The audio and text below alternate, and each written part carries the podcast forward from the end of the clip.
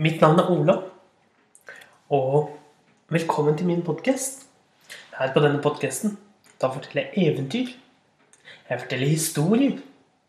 Jeg forteller om spennende ting som har skjedd for lenge, lenge siden. Og om ting fra fantasien. Og eh, jeg I dag skal jeg fortelle dere eventyret om den magiske gryten. Det er et folkeeventyr som er ulikt i land til land. Og dette er da den indiske varianten. Det var en gang en bonde. Han jobbet i åkeren, og hver dag så sto han der og hakket med den store hakken sin for å pløye jorden slik at han kunne plante både korn og mais og andre vekster. Han, han var en glad og snill mann som var god mot naboene sine. Og han var fattig, men han var godt likt. Alle likte han, for han brydde seg alltid om alle andre og tenkte lite på seg selv. En dag som at mannen sto og hakket i jorden, så plutselig så merket han at han traff noe hardt. Og han tittet ned, og der så han noe som skinte i solen. Han fortsatte å grave, og snart så så han at det var en gryte. Og han tok opp gryten og så på den. Det var en fin gryte som han hadde lyst til å ta med seg hjem. Men ikke før han var ferdig med å arbeide. Så han satte den fra seg. Så fortsatte han å arbeide, og når det ble tid for lunsj, så la han fra seg hakken oppi, oppi gryten og satte seg ned til å spise. Men rett som han satt og spiste, så plutselig hørte han en stor lyd som sa klunk, klunk, klunk, klunk. Og han tittet bort på gryten. Og i gryten sto det nå 100 hakker. Det var rene magien. Og mannen sa til seg selv Jeg syns jeg bare hadde én spade. Jeg vet veldig godt at jeg bare hadde én hakke. Men øhm, det betyr at denne gryten må være magisk. Nå skal jeg teste om den funker. Han tok en liten stein og la den oppi. Så så han og tittet ned i gryten. Og ganske snart så så han at steinen ble flere. Og snart så lå det 100 små steiner oppi gryten. Mannen ble veldig glad og skyndte seg hjem med gryten og gjemte den godt under sengen. Og når det ble tid for middagen hans, så puttet han litt grann frukt oppi. Og frukten ble til 100 frukter. Og mannen, han ble veldig glad. Og nå hadde han frukt for flere dager.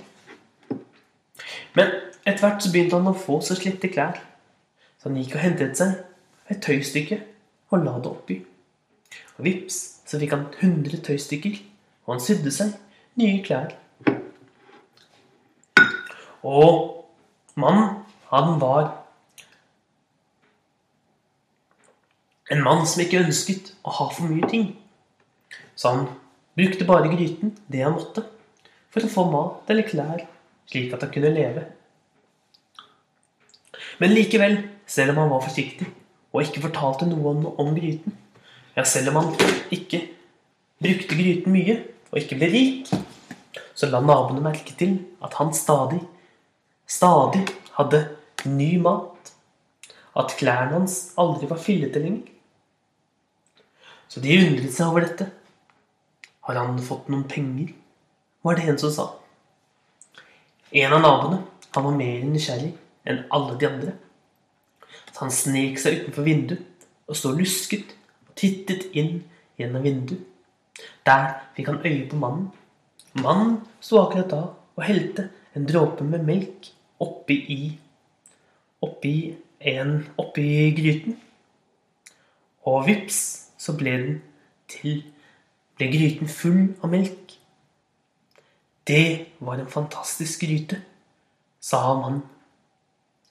Det er en magisk gryte. Den må jeg få tak i. For naboen, han var grisk, og han ville ha gryten helt for seg selv. Så når det ble natt, så tok han og snek seg inn gjennom vinduet. Og tok med seg gryten tilbake til sitt eget hus. Der satte han fra seg på gulvet og tittet spent oppi.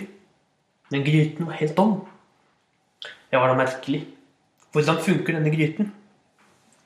Og naboen tok og kjente etter i bunnen av gryten for å se om det kanskje var noen hemmeligheter oppi gryten.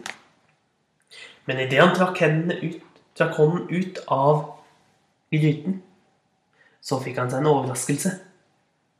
For han hadde ikke lenger bare én arm. Han hadde fått 100 nye armer. Og han så nå veldig skummel ut. Han visste ikke hva han skulle gjøre. Og neste dag, når solen sto opp, og han gikk ut av huset sitt, da skrek alle, for de ble så redde når de så han komme gående ut med hundre armer. Og mannen, han ble kastet ut av huset, ut av landsbyen sin, og fikk aldri mer komme tilbake. Det var straffen for at han var så grådig, og for at han stjal. Mens mannen som hadde eid gryten, han, han fortsatte å arbeide slik han hadde gjort før. Og fortsatte å være snill med sine naboer. Og Han ble likt den dag i dag. Og det var fortellingen om den magiske gryten, slik den er fortalt i India.